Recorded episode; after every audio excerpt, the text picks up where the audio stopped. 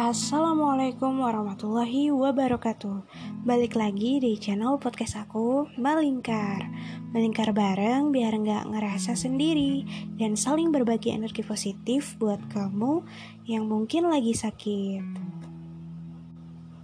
Oke teman-teman semuanya di channel podcast aku kali ini Aku bakalan evaluasi lagi tentang sebuah pertanyaan yang mungkin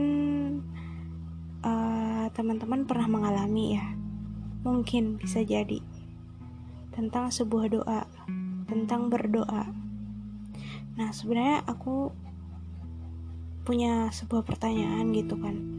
Pernah nggak sih kita tuh kayak ngerasa malu buat berdoa? Atau kayak kita tuh kayaknya nggak kayaknya hal yang kayak gini tuh kayaknya nggak perlu berdoa deh gitu kan. Nah kalau aku sendiri sih ya pernah gitu kan pernah ngerasa malu buat berdoa dan bahkan mungkin kayak pernah malah kayak ngerasa kayaknya nggak nggak nggak perlu berdoa gitu kan. Nggak butuh doa astagfirullahalazim itu ya lo lagi lagi ini ya lagi sombong tingkat dewa itu astagfirullah.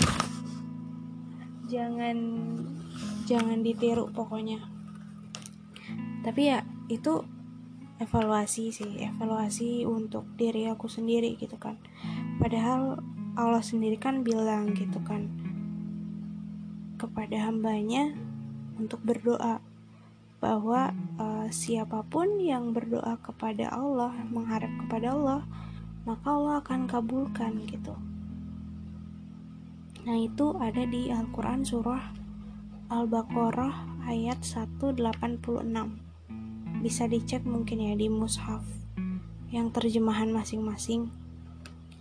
Nah tapi kita tuh kayak kadang ya kita tuh ngerasa kayak uh, malu gitu malu buat buat cerita hal-hal yang ketika kita ditimpa ujian kita tuh malah enggan gitu buat berdoa.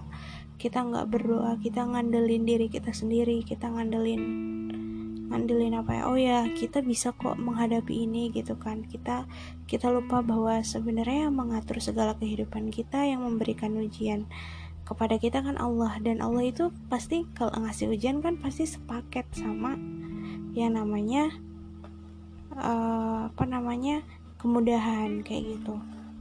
Nah meskipun emang kayak susah gitu ya kadang malah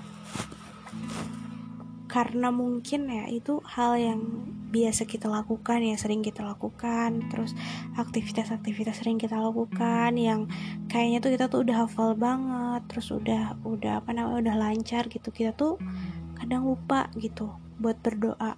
Padahal sekecil apa pun aktivitas yang kita lakukan kita tuh diajarin untuk berdoa.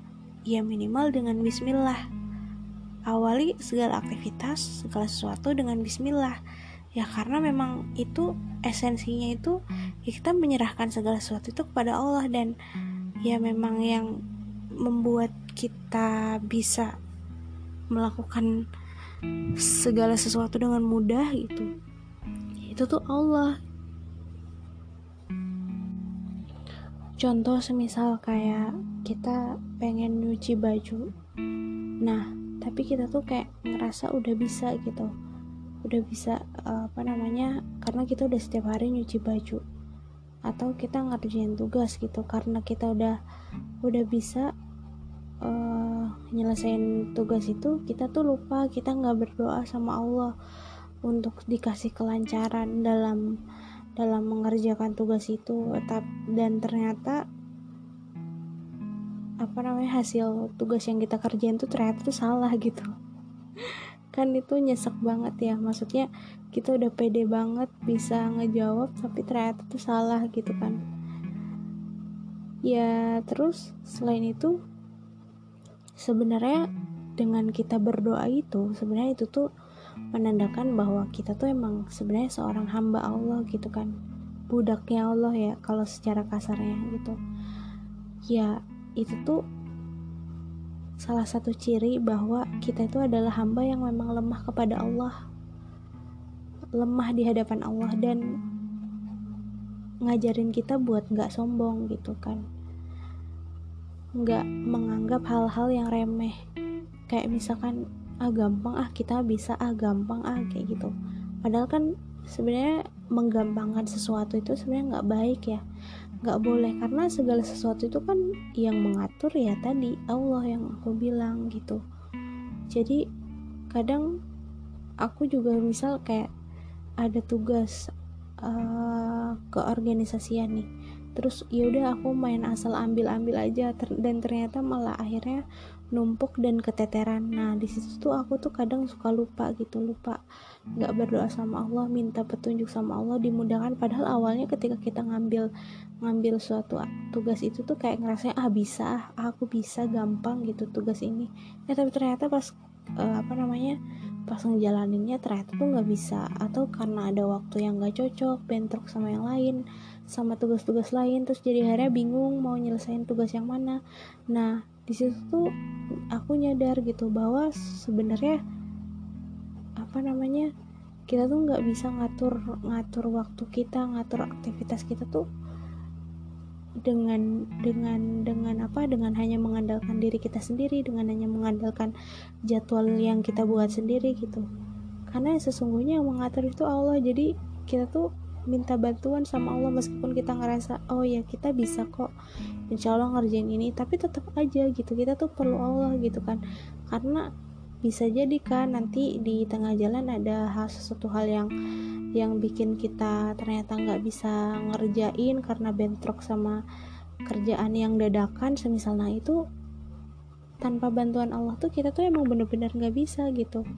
Nggak bisa memanajemen waktu kita. Bahkan uh, apa namanya segala sesuatu yang kayak kita ngelihat ngerasanya semisal kita hidupnya tuh biasa-biasa aja tenang gitu kan nah itu tuh kita juga perlu berdoa meskipun kita tuh dalam keadaan lapang gitu. Supaya apa? Supaya meskipun kita dalam keadaan lapang kita tuh ia masih berada di dalam petunjuknya Allah gitu. Masih berada di dalam jalannya Allah. Jangan-jangan ketenangan yang kita kita rasakan itu malah justru menjauhkan kita kepada Allah bukan malah justru mendekatkan kita kepada Allah gitu